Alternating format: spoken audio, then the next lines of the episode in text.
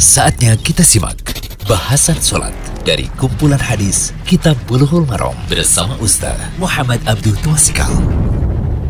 Bismillahirrahmanirrahim. Assalamualaikum warahmatullahi wabarakatuh. Alhamdulillah. Assalatu wassalamu ala rasulillah wa ala alihi wa sahbihi wasallam.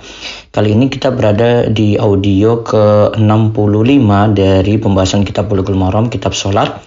Dalam bab yang baru yaitu bab al-hasi al-khusyu'i fi sholati. Bab dorongan untuk khusyuk di dalam sholat. Baik, sekarang kita masuk di audio ke-65. Kita masuk dalam bahasan hadis yang pertama dalam bab ini. Larangan sholat mukhtasiran, yaitu tangan sedekap di pinggang. Ada dua hadis yang dibahas. Hadis 238.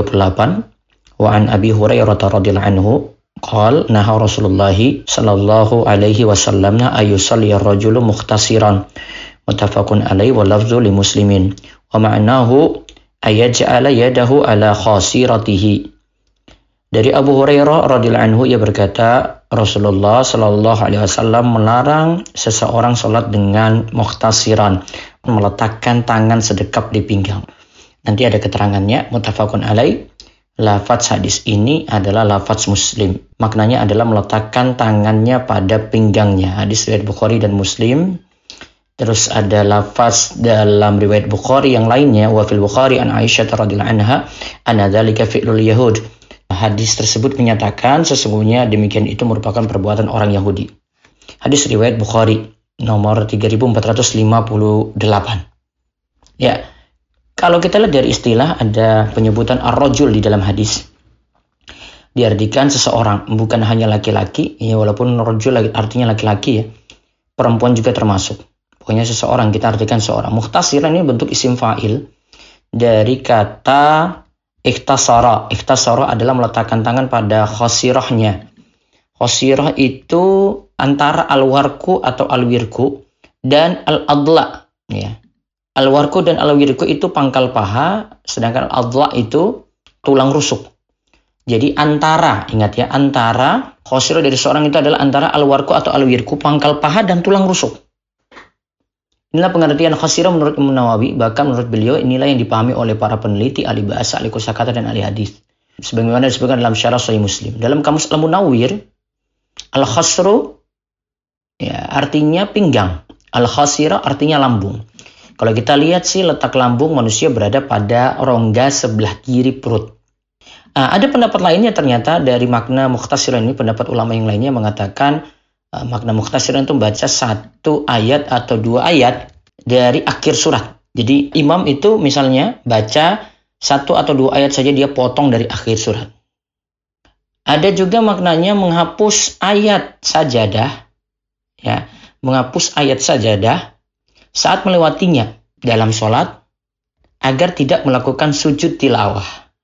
Agar tidak melakukan sujud apa? Sujud tilawah. Nah, itu mungkin ada yang sengaja seperti itu. Dia ingin lewati, ah ini biar tidak sujud tilawah. Dia lewati seperti itu.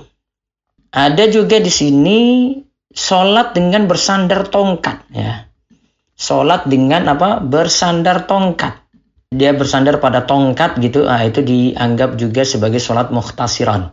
Nah, berarti kalau pengertiannya seperti ini menurut ulama yang lainnya ya, beda dengan yang Ibnu Hajar maksudkan dan ulama lainnya maksudkan seperti pendapat tadi sholat dengan meletakkan tangan di pinggang ya. Berarti tiga bentuk ini ya jadi larangan gitu. Ya entah itu kita katakan larangan makruh. Dan masih ada pendapat lainnya mengenai uh, maksud sholat muhtasiran ya, maksud sholat muhtasiran.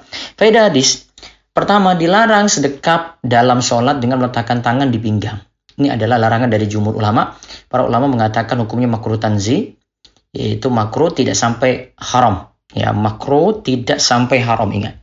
Terus para ulama katakan cara sholat dengan meletakkan tangan di pinggang tidak membatalkan sholat. Demikian menurut pendapat atau pandangan ulama syafi'iyah dan hambali. Kemudian faedah ketiga, kita dilarang tersyabuh, menyerupai Yahudi. Inilah hikmah dari larangan sholat muhtasiran.